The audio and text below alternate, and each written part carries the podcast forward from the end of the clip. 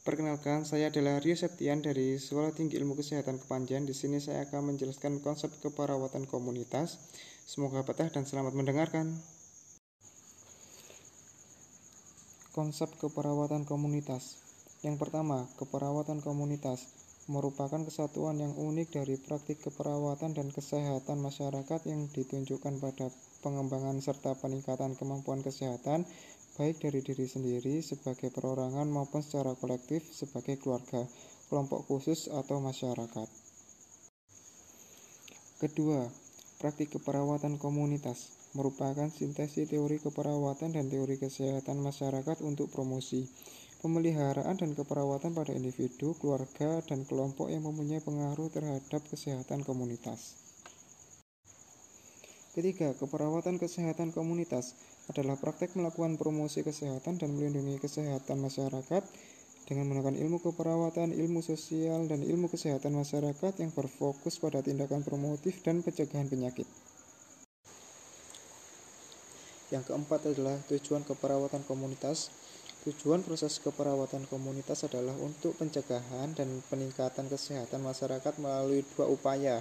Yang pertama, pelayanan keperawatan secara langsung atau direker. Yang kedua adalah perhatian langsung terhadap kesehatan seluruh masyarakat atau whole general community. Yang kelima, fungsi keperawatan komunitas Fungsi yang pertama, memberikan pedoman dan bimbingan yang sistematis dan ilmiah bagi kesehatan masyarakat dan keperawatan dalam memecahkan masalah klien melalui asuhan keperawatan. Fungsi yang kedua, agar masyarakat dapat mendapatkan pelayanan yang optimal sesuai dengannya di bidang sosial. Dan fungsi yang terakhir, memberikan asuhan keperawatan melalui pendekatan pemecahan masalah, komunikasi yang efektif serta efisien, serta melibatkan peran serta masyarakat. Yang keenam, prinsip keperawatan komunitas. Dalam prinsip keperawatan komunitas memiliki enam prinsip.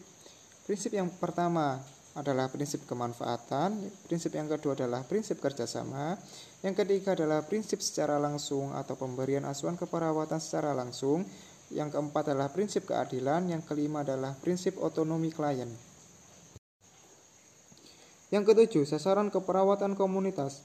Sasaran keperawatan komunitas dibagi menjadi tiga, yaitu individu, keluarga, dan kelompok khusus.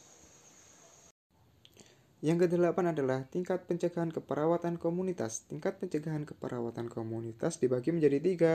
Yang pertama adalah pencegahan primer, yang kedua adalah pencegahan sekunder, yang ketiga adalah pencegahan tersier. Yang pertama, tingkat pencegahan primer merupakan pencegahan sebelum terjadinya penyakit, contohnya seperti diet, imunisasi, dan pemberian vaksin. Yang kedua adalah tingkat pencegahan sekunder, merupakan pencegahan saat sudah terkena penyakit, contohnya seperti mengobati orang yang sedang sakit, dan lain-lain. Yang ketiga adalah tingkat pencegahan tersier, merupakan pencegahan saat sudah sembuh agar tidak kambuh lagi. Yang terakhir atau yang kesembilan adalah strategi intervensi keperawatan komunitas Menurut Effendi Ferry dan Mahfudi tahun 2009, strategi intervensi keperawatan komunitas dibagi menjadi tiga. Yang pertama adalah proses kelompok atau group proses, yang kedua adalah pendidikan kesehatan atau health promotion, yang ketiga adalah kerjasama atau partnership. Kesimpulannya, keperawatan komunitas merupakan sintesis teori keperawatan dan teori kesehatan masyarakat untuk promosi, pemeliharaan, dan perawatan kesehatan populasi melalui pemberian pelayanan keperawatan pada individu, keluarga, kelompok, dan masyarakat yang mempunyai pengaruh terhadap kesehatan komunitas yang bertujuan untuk pencegahan dan peningkatan kesehatan masyarakat. Terima kasih telah mendengarkan rangkuman konsep keperawatan komunitas yang sudah saya jelaskan tadi. Sampai jumpa.